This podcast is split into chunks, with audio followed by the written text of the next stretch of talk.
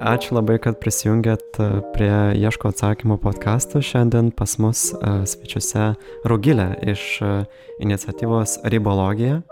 Tai galbūt visų pirma galėtum prisistatyti, papasakoti apie save ir ribologiją, savo veiklas.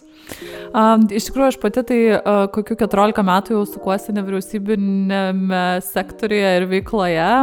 Daug metų dirbau su smurto artimoje aplinkoje prevencija ir prieš du metus susipažinom su Reda Jurelevičiūtė ir kartu mes su ją susitikom šeimų asociacijos veikloje, tos asociacijos, kuri galvoja, kad įvairios šeimos yra šeimos ir šeimos modelis nėra tik tai vienas, tai tuo metu tenai susipažinom, pradėjom ten e, prie renginių šiek tiek kelių pabendradarbiavom ir susidraugavom. Ir nepaisant to, kad aš gyvenu Lietuvoje, Reda gyvena Madride, Ispanijoje, e, dirbdamas nuotoliniu būdu, galvojom, kad reikia kažką daryti ir vien, kartu.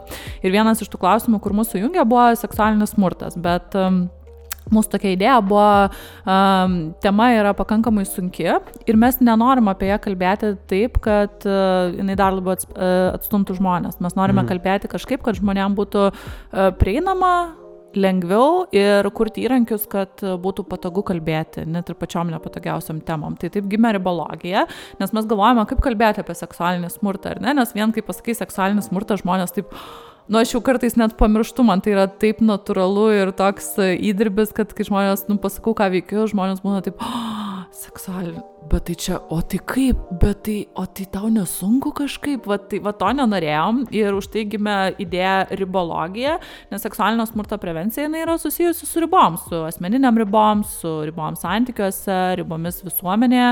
Tai iš pradžių taip pradėjom, galvojom, kaip čia mumeisis, bet viskas gerai, dabar metai jau bus rūpjūčio gale, augam ir esam nevyriausybinė organizacija, žinom savo misiją, žinom, kad norim dirbti su seksualinio smurto prevencija, per ribų temas, liesti įvairiausias grupės ir pradedame nuo žodino, kurio Lietuvoje mes e, neturim kol kas kalbėti žodino šiai temai. Mm. Jis labai limituotas.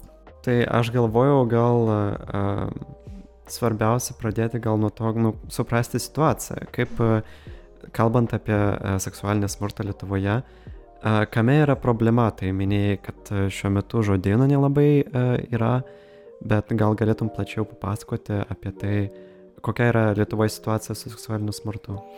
Nu, aš dar kai dirbau moterų informacijos centre, tai atsimenu, nuo 96 metų gal net dar anksčiau kalbėjau apie įvairias smurto formas, bet seksualinis smurtas visada būdavo toksai viena iš smurto formų. Štai viena iš smurto formų yra seksualinis smurtas.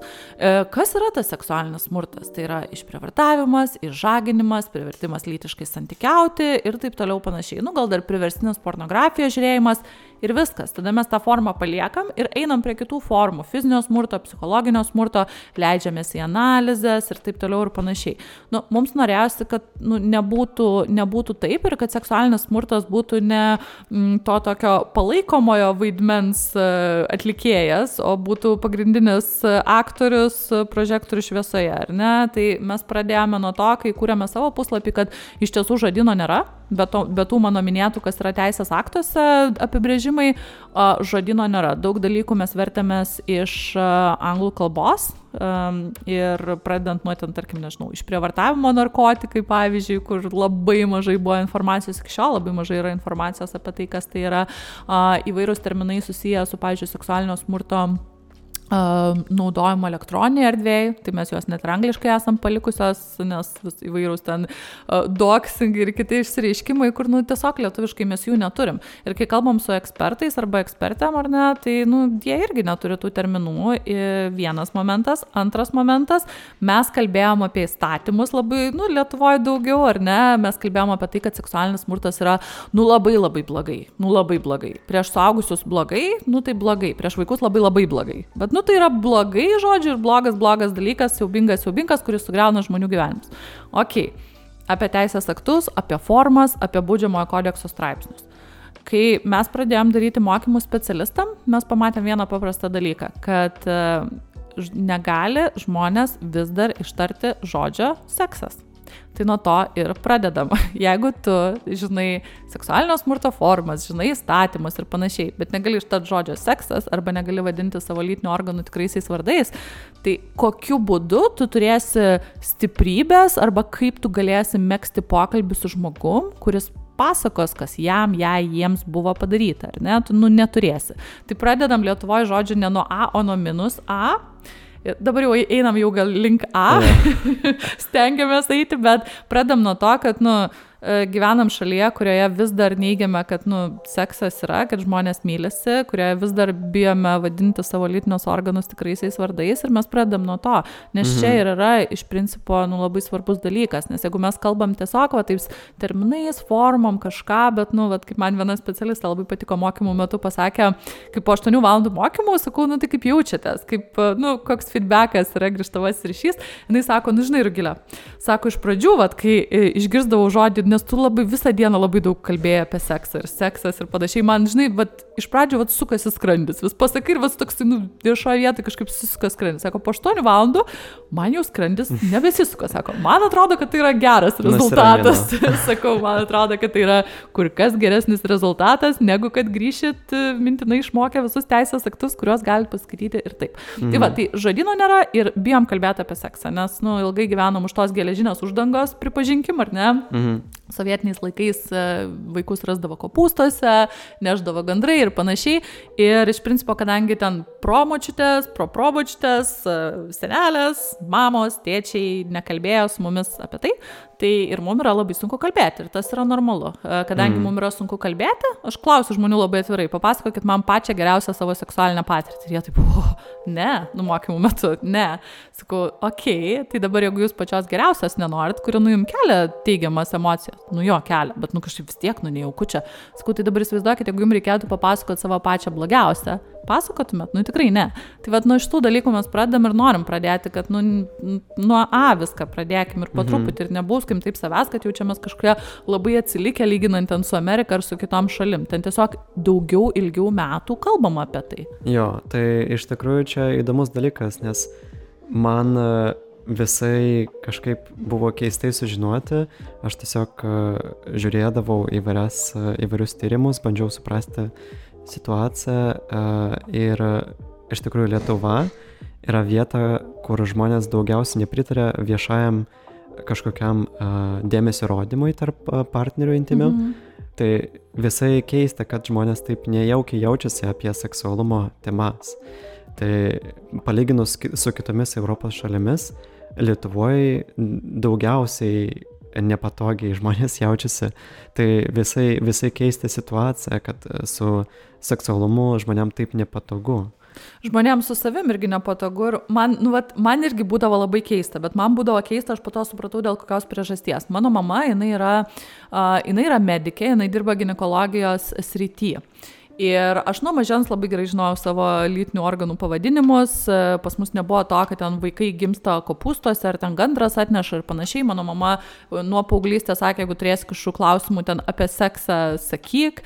Jinai, nu, kad įsivaizduoti maždaug, kiek tai yra laisva, jinai iki šiol, jeigu sako, suėjus tam, pavyzdžiui, gimtadieniui, paklausė, ar visiems viskas dar stovi, nes jeigu nestovi, tai gali jinai vaistų parūpinti ir tai yra normalus medicininis klausimas. Nu tai buvo taip laisvai mūsų šeimoje. Tai man irgi labai didelę dalį gyvenimo, kodėl atrodo, kodėl žmonėm taip, nu, sunku kalbėti apie tai, nes aš, pavyzdžiui, susėsdavau su savo draugiam, tarkim, jeigu garsiau pasakydavau, nu iš pradžių, dabar jau nebe, bet anksčiau, jeigu garsiau pasakydavau kažką, nu, tarkim, nežinau, seksas arba, o tai jūs mylėjotės, būna šš baig, nu, nu baig, tu čia atrodo, kodėl, nu, tai yra jų gyvenimo dalis, tai yra nu, visiškai normalus dalykas ir, ir nėra čia nieko tokio, bet supratau, kad nu, dideliai daliai žmonių nėra ir jeigu paskaitytume mes knygas, ar profesorės Leinartės, pavyzdžiui, knyga Neplanuotas e, gyvenimas apie šeimą sovietmečio Lietuvoje, tai mes mhm. suprastumėm, ant kiek viskas buvo paslėpta, ant kiek tu negalėdavai apie tai kalbėti, ar ne, ir žmonės, nu, Bet kaip sakai, e, kad liestis nenori ar kažkokios meilės rodyti,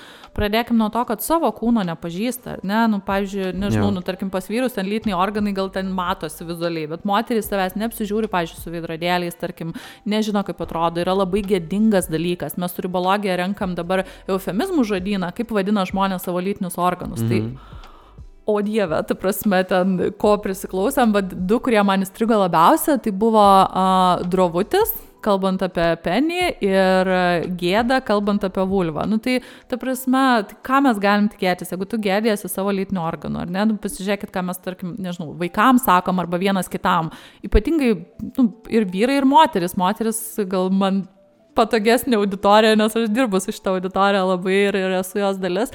Tai, nu, skauda kažką, tai sakai, ai, man čia biški skauda, negalim ištarti žodžio mėnesinės, negalim ištarti žodžio vulva, negalim, nu nieko, viskas, kas yra susijęs su tas rytim, yra tokia mistika. Tai kai mes kalbam apie seksualinį smurtą, tai, vargiai irgi galėsim kažką sakyti, mhm. sakyti, ar ne? Tai va toksai, nu, yra iš istorinio konteksto, bet vėlgi mes negalim visko kaltinti istoriją, ar ne? Ir buvo taip, mes buvom okupuoti, buvom už tos geležinės uždangos bet dabar nebesam. Ir mes esam jau ta karta, nu, aš tikiu, aš 87 gimimo, bet aš tikiu, kad mes galim būti ta, ta karta, kuri, nu, keičia naratyvą ir jau vaikam perdoda kitą informaciją. Ir e, kaip tik reikia turėti tos kalbos, kad e, kažkaip suprasti socialinius reiškinius ir suprasti, kaip su elgtis ir gauti kažkokį kontrolę, kad suprasti, e, kaip galima su jais santykiauti ir keisti situaciją. Taip. Tam irgi labai reikalingos savokos ir kalba. Taip. O dar vienas dalykas, apie kurį, uh, kuris susijęs su seksualiniu smurtu tema, yra toks aukos um, kaltinimas, kad Taip. dažniausiai, kai įvyksta seksualinio smurto situacija, uh, labai dažnai neįžiūrima į aukos naratyvą ir jie patys aukos yra kaltimi už tai, kad per kažkaip atvirai apsirengė, ten pati pasiprašė. Ta. Ir iš tikrųjų tai yra didelė problema, bandant kažkaip spręsti ir vykusius įvykius um, ir uh, susitvarkyti su pasiekmėm. Bet uh, aš, man buvo įdomu, kaip tau atrodo, gal yra pokyčiai šioje vietoje Lietuvoje, ar mažėja ši problema, ar ar vis dar yra gaji? Manau, kad labai gaji, absoliučiai gaji, ne, nematau kažkokio mažėjimo.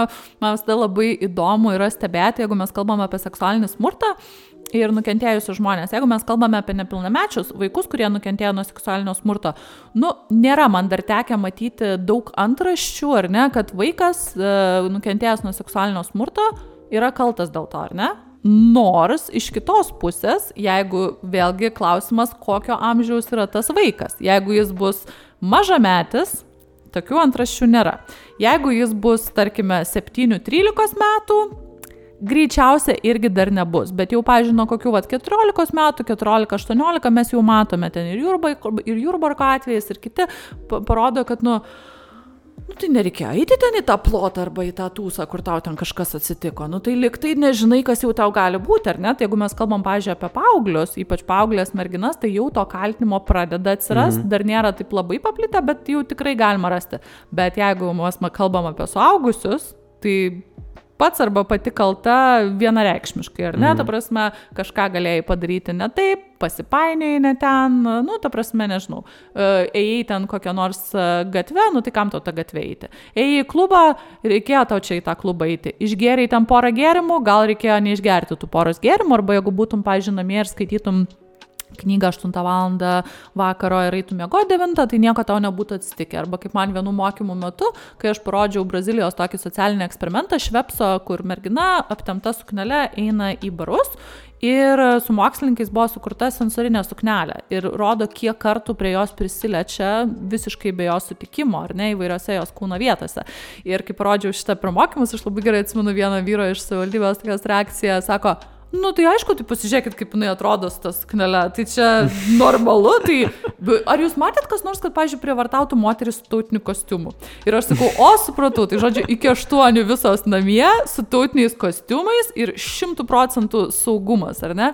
Tai tiesiog to aukų kaltinimo yra labai labai daug mūsų visuomenėje. Ramštain koncertas atveju, mhm. ar ne, su išprievartavimo narkotikais, koks atgalinis ryšys. Iš karto automatiškai nu tai nežinojo dabar į roko grupės koncertą eina, matai į vakarėlį roko grupės, mm. nu tai jau Mhm. ko tu tikiesi, kad jau tau ten, nežinau, kruosanais vaišins ar ne ir poeziją skaitys, tai vos net tai tikėtina, taigi tu turi, turi apsaugot. Ir Lietuvoje iš tikrųjų Lietuva yra viena lyderiaujančių šalių ES pagal tą aukų kaltinimą. Mhm. Ir tas yra nu, labai liūdna. Ir žinoma, kad tas aukų kaltinimo straipsnius skaito ne tik tas žmogus, kurį kaltina, skaito ir visa kita visuomenė. Ir skaitydama, pažiūrėjau, jeigu aš nukentėjau nuo seksualinio smurto, bet kokios formos, tai nėra vien išžaginimai ir išprievartavimai, ar ne, tai yra ir priekabiavimas, tai yra seksualinis smurtas elektroninėje erdvėje ir taip toliau panašiai, ne?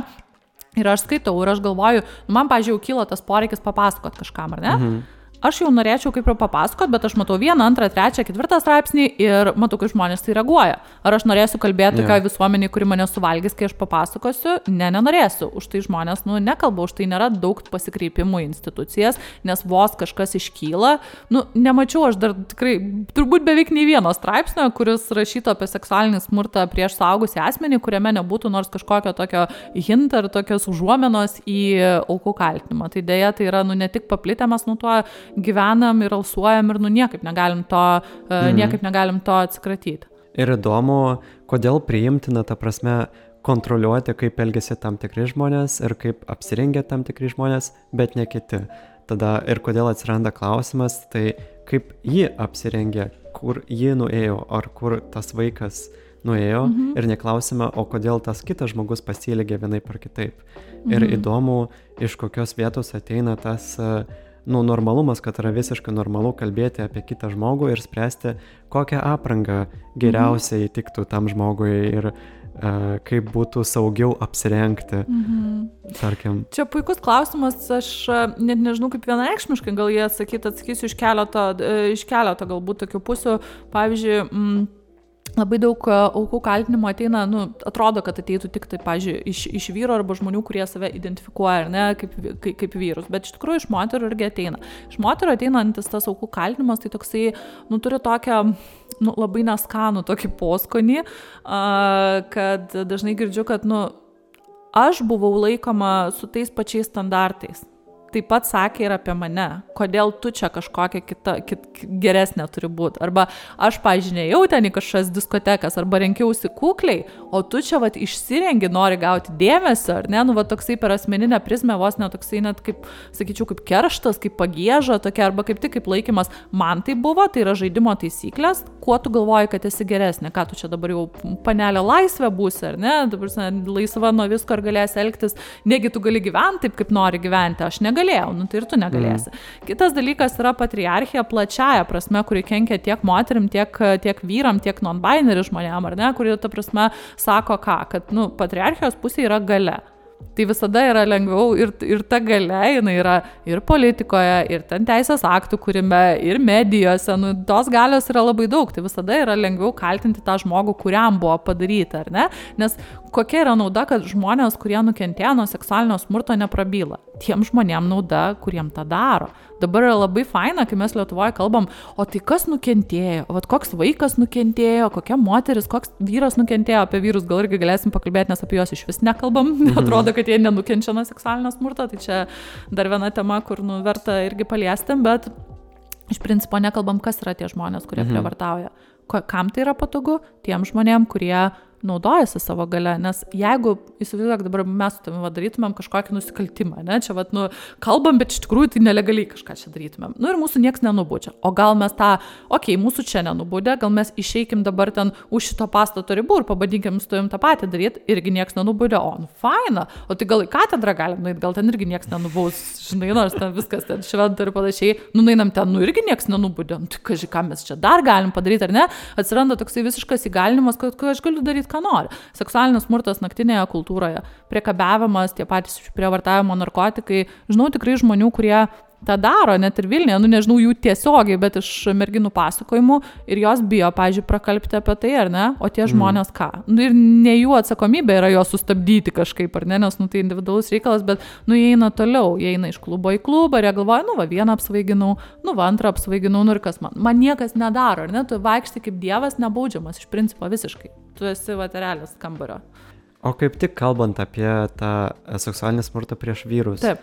Gal galėtum papasakoti, ta prasme, kaip, kas vyksta ir mhm. ką apie šią temą mes kažkaip nežinom, nesuprantam nieko apie šią temą mes nežinom ir nieko mes apie ją, man atrodo, kad ne, nu, suprasti gal ir supranta, bet kad nekalbam tai tikrai.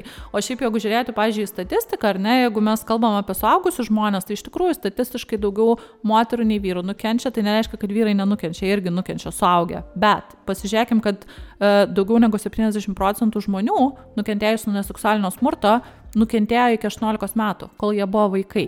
Ir jeigu mes žiūrime į vaikų nukentėjusių skaičius, tai mergaičių ir berniukų nukentėjęs procentas yra labai labai panašus. Ta prasme, labai panašus. Vadinasi, kad mes Lietuvoje turime nemažą dalį vyrų, kurie nukentėjo nuo seksualinio smurto artimoje aplinkoje, turbūt mhm. greičiausia, nes daugiau 7 procentų irgi daugiau nukenčia artimoje aplinkoje ir viskas, ir mes apie tai nekalbame visiškai absoliučiai. E, vienas momentas, antras momentas paauglystėje, mes e, galvojame, kad tarkime, vyras ar žmogus, kuris save identifikuoja vyru, galvoja, kad visą laiką nori sekso, ar ne, visada nori, nori, nori ir nu, net negali atsisakyti, nes, nu, iš principo vyras kaip, gali nenorėti, arba kaip gali nebūti nuotikos, arba kaip gali iš vis gyventi, gyventi be to. Čia yra irgi tokia stigma. Ir aš atsimenu, prieš pen, penkis metus buvau Amerikoje ir buvo konferencija Richmonde, kuri buvo dvi dienos buvo skirtos e, seksualinio smurto prieš vyrus temai. Nu, aš sėdžiu ten prie to, man labai buvo įdomu, aš jau ten mečiau visus darbus, pati pasiėmiau viešbutį, galvojau, nu, važiuoju, nes, nu, nu kaip, nu, čia, wow. Ir sėdėjau ir su amerikiečiais kalbėjau, sakau, bet čia žinokit, sakau, tokia tema, wow, sakau, jūs čia taip giliai kapstot ir jie sako, tu čia ir mums žinok nauja tema, viskas gerai, aš taip galvoju, nu. Okay. Tai tos konferencijos metu dvi dienas aš sėdėjau ir klausiau, kaip vyrai yra tokia organizacija One in Six, vienas iš šešių Amerikoje, kuri kalba apie seksualinį smurtą prieš vyrus ir viešina vyrų istorijas. Tai mhm. šita organizacija, jinai e, atvežė kalbėtojus ir lipo ant scenos ir Hollywoodo režisieriai, ir uh, komiksų piešėjai, ir vienas po kito vyrai ir pasakojo savo istorijas, kas jiem buvo padaryta. Ir man labai įstrigo vieno komiko istorija, jis sako, žinai, Jam buvo virš 40 metų, turbūt sako, aš kaip mažas berniukas patyriau seksualinę prievartą nuo savo dėdės, ar ne? Ir aš augau žinodamas, kad dalis žmonių, kurie patyrė, galbūt irgi taps tokiais, arba yra šansas, arba yra rizika, kad mane irgi pradės traukti vaikai. Sako, tas jausmas buvo toksai gazdinantis iš mm. principo, kad Aš, sako, bijodavau eiti jau paaugęs ir užaugęs, aš bijodavau eiti pro vaikų žaidimo aikšteles, pro mokyklas, aš bijodavau žiūrėti į vaikus dėl to, kad aš galvojau, kad jie mane pradės traukti. Aš, sako, mirtinai bijojau sukurti savo šeimą, nes aš nenorėjau to daryti savo vaikams. Tai jis tokioje milžiniškoje baimėje gyveno didžiąją dalį savo gyvenimo, kol mm. po to, po ilgų ten psichoterapijos, suradęs organizaciją, kur ir kiti vyrai sako, žinai, man irgi tai buvo, ta prasme, nu, aš irgi gyvenu su šitą baimę, arba gal aš gyvenu, bet viskas buvo gerai, aš dabar sukūriau sukūriau ten šeimą, jeigu norėjau sukurti ir panašiai, tai jis dabar turi du vaikus ir sako, viskas gerai, nu jie manęs netraukia, bet tiesiog nu aš visą gyvenimą pragyvenau toj baimėje. Tai dabar kalbant su vaikais arba jaunuoliais, aš stengiuosi net ir nesakyti šito dalyko, arba žinokit, kad jeigu nukentėjai, tai gali ir tu, arba susiduri su rizika su specialistais, okei, okay, kurie dirba su jaunimu, kad gal yra kažkokia rizika, ten turėkit tavo omeny, ar ne, dirbkim su, su, su, su nukentėjusiais vaikais, bet ne vaikam, nes tu tada irgi užkrauni tokią didžiulę stigmą, ar ne, kad, nu, vat,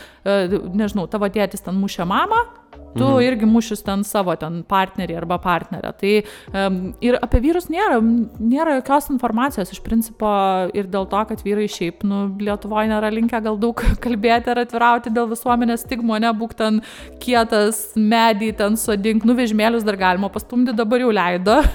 per porą metų jau dabar ok, bet geriau su draugais vis tiek ir gal dar jeigu kokią laus po to ar ten kažko, nors ir nealkoholinio, nu, vat palaikyti tą tokį e, mačio, mačio dalyką dalyką, bet šiaip iš principo tai nekalbam visai ir man tai yra, nu tikrai tikrai labai liūdna ir labai labai noriu ir su ribologija vienas iš tokių tikslų, kad nu, gautumėm dabar kol kas gaunam istorijas žmonių nukentėjusių nuo seksualinio smurto anoniminės, kur žmonės nu, sutinka arba ne, kad mes jas paviešintumėm. Kai sutinka, mes viešinam. Tai labai mažai, e, šiaip net nelabai mažai, nei vienos neturim dar e, vaikino ar vyro istorijos, labai norim, kad jų atsirastų, nes, e, kaip man sakė Islandijos viena aktyvistė dirbanti su šitą temą daugiau negu 40 metų, sako Rugilė, kai yra paslaugos, kai yra kalbama apie tai, yra ir žmonės, kurie apie tai kalba. Jeigu niekas nekalba apie tai, tai kas čia bus, čia ne tas rytis, kur aš tai pirmas, žinokit, padariau, va, matot, koks aš fainas, ne, arba aš pirmą padariau. Ne, nu čia nėra tas rytis, kur tu norėtum tiek daug dėmesio savo, nu vienam. Tai yra lengviau, kai apskritai atsiranda daugiau žmonių ir tas naratyvas ir tu galvoji, a, okei, okay, nu va dabar žiūriu, dabar jau staiga kalba. Gal ja. po, ne po penkto karto, ne po dešimto, bet aš gal būsiu vienuoliktas, kuris prabyla, o gal penkisdešimtas, bet nu aš matau, kad jau vyksta reikalai, tai dabar visiškai tyla kol kas. Mm -hmm. Gali pasidaryti saugiau tiesiog kalbėti. Nu taip, nu natūralu, nes nu dabar išeisi čia dabar irgi kaip kokia, vat, nu, pradeda jau po truputį, ten irgi samoningumas auga, bet atrodo, tai va, tai kaip kokia balta varna išeisiu, aš ar gal dar viešai spaudą, ar dar kažkur, nu tai ta prasme, tai įsivaizduok, kiek aukų kaltinimo sulauktų, ar ne, nes, pavyzdžiui, jeigu mes uh, girdime istorijas apie, nu, vaikus, vėlgi, apie vaikus taip retai kada sako, bet apie suaugusius vyrus ar iš užsienio kažkur, tai būna ten tų jo kelių, tai iš kitų vyrų, tarp kitko, irgi ypatingai, kad, nu, norėčiau, kad ir mane taip išprievartautų, žinai, nes, nu, tu kaip vyras, šiaip, nu, normalu, jog visada nori seksą, bet kuriuo gyvenimo momentu. Tai kas pasiūlo, bet kada, bet kuri, nežinau, ten išeisi, bet kuris tau vyras, moteris pasiūlys kas nors, tu iš karto, o, siūlai, gerai, einam, tuoj pat viską metu, nes, nu, nuolatos nori. Nu, va tokia stigma yra. Tai kai tu pasisakai, tai sako, tai džiaugis, Jėzau, tai kur čia tai prievartauja, aš irgi noriu, ar ne? Nu, va tokios pašaipos yra, kitas dalykas yra daug tokios stigmos, jeigu tave, tarkime, irgi išprievartavo, kad tu čia dar ten kažkoks blogesnis esi ir panašiai, nu toksai, nu, nu, nugalinimas, ar ne, nes tu kaip vyrasgi turi būti galingas, tu turi nurodyti galę, tu turi prieš viską pasipriešinti, o čia staiga tave net yra toks posakis, ar ne, ir užsienį tenka atvejus, kad tai išprievartavo tave kaip mergaitę, ar ne, tai kad tu čia toks yeah. visas silpnas ir panašiai. Nu tai yra šiaip žiauriai bloga situacija ir mes kai kalbam, nu mes turėtumėm daugiau apie tai kalbėti, nes mes dabar kalbam, kad, nu jo, seksualinis smurtas prieš vaikus labai blogai. Nu, bet yra skirtumas, kaip jį išgyvena, nu, prasme, gal ne mentalinė pusė, bet stereotipų pusė yra skirtumas, kaip jį išgyvena mergaitės, kaip išgyvena berniukai. Nes net tas pats smurtas šeimoje prieš mergaitės berniukus yra kitoks. Mergaitės, pažiūrėjau, patiria daugiau um, psichologinio smurto, net ir iš tėvų pusės. Berniukai patiria daugiau fizinio smurto iš tėvų pusės. Tai nu, yra tam tikri skirtumai, apie kuriuos mes, jeigu norim turėti kampanijas, norim, kad žmonės kalbėtų, irgi nu, turėtumėm skirti kažkaip grupėmis. Mhm. Tai Ir man visai įdomu, kaip kalbėti su vaikais apie seksualinį smurtą. Ir mačiau, kad nesiniai išleidėt knygą mhm. paskui ribas. Ir tiesiog man būtų įdomu sužinoti, kaip veiksmingai keisti situaciją su, apie vaikus ar su vaikais. Ir nes atrodo iš to, ką, ką mes kalbam dabar, kad nu, tikrai kas vyksta vaikystėje, yra labai svarbu užtikrinti, kad žmonės būtų labai saugus, mhm. kad neįvyktų tų e, traumuojančių situacijų, mhm. nes tai visai mūsų formuluoja ir baimės visam likę, likusiam gyvenimui Taip. ir labai paveikia žmogų. Taip, iš principo visą gyvenimą ir tas niekur net nedingsta seksualinio smurto trauma. E, gaunam kartais paklausimų, ar įmanoma, kad, nu, žodžiu, išgysiu. Nu, tiksi, tas išgysiu, bet ar įmanoma, kad išgysiu, arba kad, nu, nu tas kažkaip išnyks. Nu, nu ne, neįmanoma. Deja, neįmanoma. Tu, tai visada bus, e, nors ir labai skaudi ir trauminė, bet tai visada bus tavo gyvenimo dalis, tavo istorija. E, gera, gera žinia yra ta, kad mes, kai jau suaugam, mes dabar, dabar tampam atsakingi. Mums padarė, labai blogus dalykus padarė, bet dabar jau suaugę mes esame atsakingi už tai, kad nu, mes galim žiūrėti į ateitį arba kažkaip tą skausmą transformuoti. Nebūtinai, kad ten eiti ir padėti visiems iš eilės ar panašiai, ar ne, galbūt tai yra transformuoja į tai, kad tu tiesiog gali jau su tuo gyventi, ar ne, kad tu tiesiog gali normaliai gyventi. O su vaikais aš manyčiau, nu, vienas yra labai toks neraminantis dalykas, kad, sakau, daugiau negu 70 procentų seksualinio smurto e, vaikystėje patiriama artimoje aplinkoje. Tai vadinasi, iš tavo pačių artimiausių žmonių ar ne, kurie, mm. nu, bet kai sakom, taip, pavyzdžiui, tėvai ir šeima turėtų edukuoti vaikus. Uh, taip turėtų būtinai, bet um, 7 procentų atveju šeimoje įvyksta, ar ne? Tai taip turėtų, bet ar mes galime pasikliauti vien šeima, kad edukuotų, turbūt negalim vien šeima pasikliauti, jeigu toje šeimoje yra seksualinis smurtas.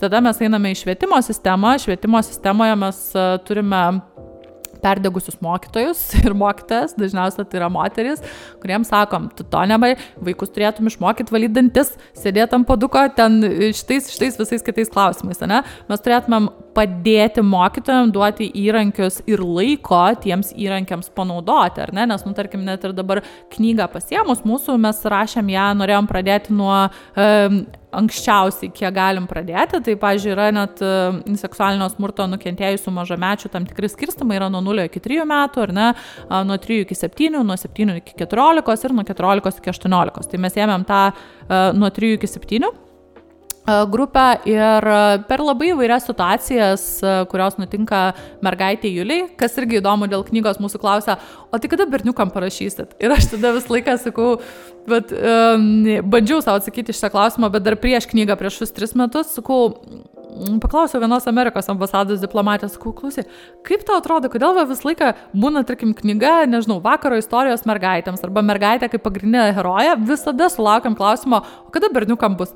Bet sakau, yra tūkstančiai knygų pasaulyje, kur pagrindiniai herojai ten ir Batmanas ir visi yra, tarkime, vyrai, bet, nu, niekam nekyla klausimo, kodėl ar mergaitės negali žiūrėti šito, ar ne? Tai galvodamos knygos heroją, nu, tikrai tinka ir berniukam, ir mergaitėm šitos situacijos. Ir mes pradedam nuo paprastų dalykų. Mes pradedam nuo to, kad ar tėvai gerbė tavo ribas. Tai ten e, Julės tėtis ateina į kambarį ir, nežinau, išmeta jos ten visą projektą mokslinį, nes jam atrodo, kad tai yra šiukšlės, ne? Ar mes įsiveržėme į vonę, kai mūsų vaikas prausėsi, ar ne? Tiesiog, kad viskas čia mačiau, man viskas ten žinoma. Ar mes kalbame su vaiku apie tai, kaip vadinasi jo lytiniai organai, ar juos vadiname ten peliukais, urveliais ir panašiai. Nes jeigu vaikas galvoja, kad e, jo lytinis organas yra vietoj penio peliukas, tai jeigu su juo kažkas kažką netinkamai darys, ar ne, ar lies, ar panašiai, tai gali tada sakyti, nu ar mokytojai, ar tevam ten kažkas ten, nežinau, žaidė su mano peliuku. Nu tai ką tu ten, arba ten sausainiuku, vulvas vadina sausainiuku, dėdė ten laižė mano sausainiuką. Nu tai laižė pasim kitą sausainiuką, nu negerai padarė, ar ne? Nu, tai vaikai vėlgi neturi neturiu to žodino, kad tai vyko su manim, su mano kūnu ir su mano lytiniais organais. Tai vad pradam nuo labai labai paprastų dalykų. Ir taip pat to, kad, um, pavyzdžiui, paslaptis gali būti geros ir blogos, knygoje rašom, ar ne? Nes um, blogos paslaptis tu jų neturi laikyti, tu turės pasakyti kažkam. Ir dar vienas uber svarbus aspektas, mano nuomonė, kad ir geri žmonės gali elgtis blogai. Nes jeigu mes kalbame apie seksualinį smurtą prieš vaikus, naudojančius asmenis, tai vaikai, kai einu į mokyklas, per mokyklas kažkas, Vil, ne tik Vilniaus, Lietuvos tikrai prasėjo, nes aš su vaikais kalbėdama šitą temą sakau, tai ką jūs žinot, jūs čia apie pedofilus kalbėsit. Nu, nebuvo mokyklos, kur negaučiau tokio grįžtamo ryšio. Sakau, gerai, sustojom ir pakalbam, kas yra pedofilas. Jums pedofilas. Nu, tai čia toks vyras, tai sakau, kaip atrodo tas vyras. Nu, toks storu pilvu, gal riebaluotais plaukais, toksai, kur, nu, atgrasus ir panašiai, gal kažkur miške, nu, kažkas iš pelkių lendantis, ne gremlinai nu ne taip viskas yra. Ir sakau, ne tik artimoje aplinkoje, bet dar žmonės, kurie, e, tai yra dažnai žmonės, kurie turi prieimą prie vaikų, tai yra dažnai žmonės, kurie iš charakterio kaip tik yra tokie e, žaismingesni, kurie galbūt yra tokie netgi ir vaikiškesni ir nesupranta vaikus, gali su vaikais pasikalbėti. Ir va tie žmonės, aš vad, nu ir sūdai, sakau, sakau, kalbėsiu apie seksualinį smurtą, sakau, oi, nu čia vėl apie seksą ar kažkas, sakau, ne, kalbėsime apie tai, kaip atpažinti šitus žmonės. Nes dabar vaikams mokyklose sako, neik į mišką, eik po du, Uh, žiūrėk, ten iš to miško ten nežinia, kas išlys, uh, tamsių paros metu neik, įdeda ten visokių dujų balionėlių, ten peilių vos ir kažką, nu man ten fantazija tėvų irgi beribė, bet iš tikrųjų, nu nepasako, kad tai gali būti, nu, tau artimas žmogus ir su kuri, kuris su tavimi elgsis gražiai. Ir tie žmonės, jie iš principo kaip atsirenka vaikus. Jie mato, kad vaikas, nu, nuo paauglystės 11-12 jie pradeda būti vaikai užsisklendę natūraliau. Pasaulis tavęs nesupranta, tėvai tavęs nesupranta, ar ne? Tu ten gėjimini, ten žaidi, ten žaidimus bendrauji su įvairiais žmonėm, ar ne? Ir tie žmonės mato, kad tu esi liūdnas, pažeidžiamas, tau trūksta tėvų meilės, dėmesio, draugų neturi ir panašiai viskas. Aš tada tave kabinu Ir kai tave aš kabinu, aš tau esu geriausias draugas, aš tau daug padedu ir mes girdime iš vaikų nukentėjus nuo seksualinio smurto.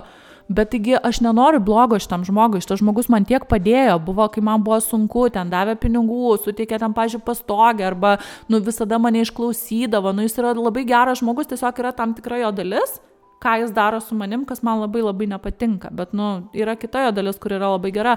Tai mes sakom vaikam, ir geri žmonės gali elgtis blogai, ar ne? Nes, nu, jie, kai įsivaizduoja tos gremlinus ir žiūri šitą gerą žmogų, jie nemato, nu, jie nesujungia šitų, šitų dalykų. Tai man mhm. atrodo, kad, nu, Nu čia yra irgi, irgi esmė. Man buvo įdomu dar apie darbinę aplinką, mhm. nes mhm.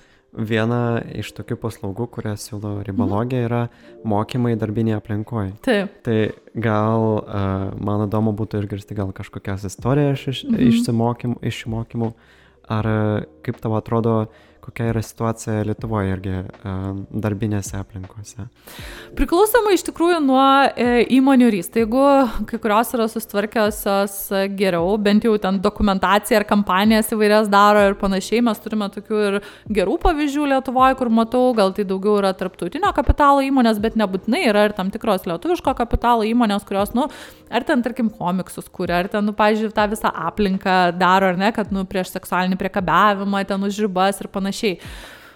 Bet kiek yra tekę vesti, tarkime, mokymo arba įmonės pasikreipia, tai vėlgi trūksta žodino. Seksualinis priekabiavimas yra matomas dažniausiai, kad e, aš tau pačiupau už užpakalio, tu man pagrybėjai krūtinę arba kažkas tokio, nu nėra matomos kitos e, seksualinio priekabiavimo formos, tai yra ten, tarkime, seksualizuotas kažkoks bendravimas, kyla labai dažnai klausimo, ką daryti, jeigu tas pats mano bendradarbis ar viršininkas už darbą man ten rašinėja ir panašiai, mes kaip ir nesam ofise, gal tai yra savai, ar tai irgi skaitosi ir tai visa, visoji įmonės kultūroje.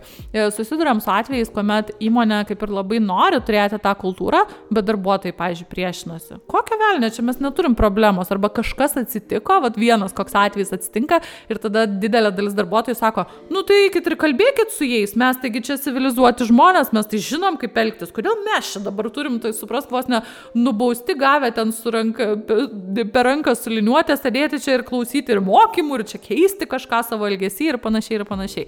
Kodėl, ar ne? Yra toksai, nu, va, tarsi pasipriešinimas. Tai va, įvairiai būna. Kartais ta iniciatyva ateina iš darbuotojų, kurie prašo savo vadovių, vadovų, darykit ką nors, mums reikia šitos temos ir tada ateina, tarkim, užsakymas, sako, mums reikia mokymų. Kartais tai ateina iš pačių uh, vadovų arba HR žmonių, ar ne, kur sako, mes kūrėm, bet sulaukiam pasipriešinimo, tai gal gali. Tada kartais ateina, kad nu, mes kūrėm, norim, bet mums trūksta žinių, nes nu, tai yra kur kas plačiau, kaip ir minėjau, negu kažkoks apsigraibimas.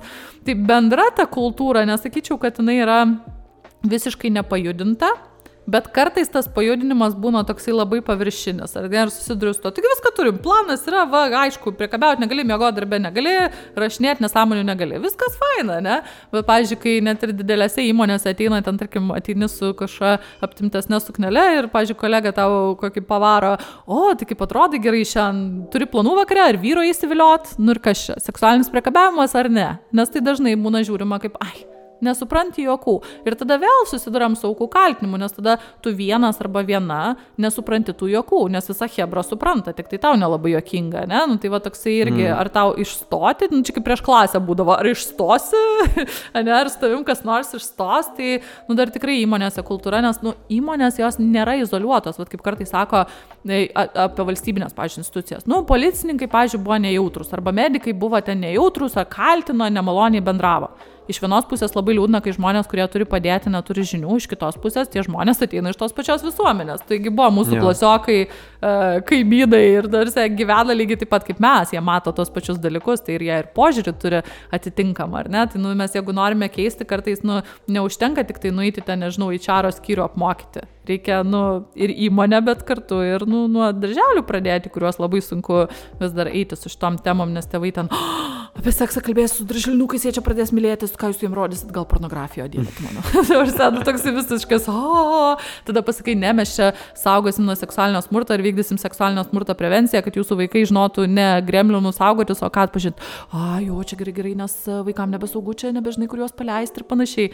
Nu tai va, tai nuo darželio iki įmonių, bet įmonėse yra irgi ką veikti ir tos darbo kultūros, dar tos juokelių, visokių mm -hmm. seksistinių bajeriukų, tai dar yra, nu, labai labai apšiai ir ypač įmonės arba įstaigose, kurios yra mm, galbūt griežtesnės subordinacinės kultūros, ar ne, ne visi ten hipsteriai ar flat struktūra, ten yra visokių įmonių, yra visokių sričių, ta, ta pati medicina, ar ne, kur yra dar vis dar labai griežta hierarchija, vis dar labai griežta subordinacija, mokslo įstaigos, ar ne Bet kokia įstaiga, kur kai eina žmogus, tu kreipiesi ten uh, gerbiamas profesorių Dots daktarė, arba gerbiamas ten vedėja, arba vedėjų ir panašiai, nu, kurios yra tikrai dar tos subordinacinės struktūros, tai ten dar sunkiau yra prabilti, nes ten nu, žmonės tiesiog nu, nekalba, nes ten šimtą metų nekalbėjo ir dabar nu, po truputį kažką, kažką bando. Tai įmonėse ir įstaigose yra ką veikti ir jeigu va, tas požiūris, mhm. kad pas mus to nėra, tai visur tas yra. Visur tas yra, tik tai, kad nu, klausimas, arba tu ignoruoji tai, arba darai kažką. Arba jeigu nenori pripažinti, kad tau problemų turi, kas pas mus labai gaju, mes čia problemų neturim.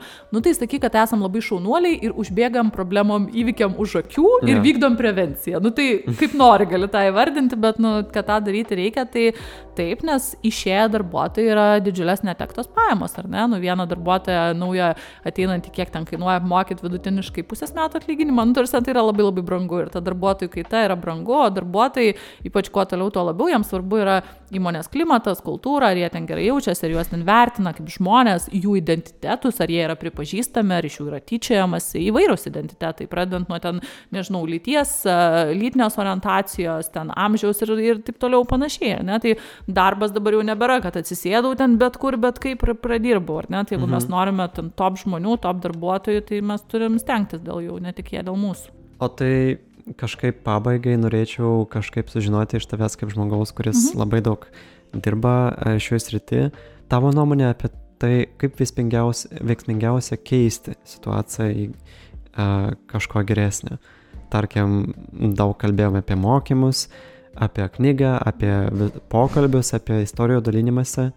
Tai man tiesiog norisi sužinoti pagal tavo nuomonę, ką prasmingiausia daryti, kad keisti dalykus.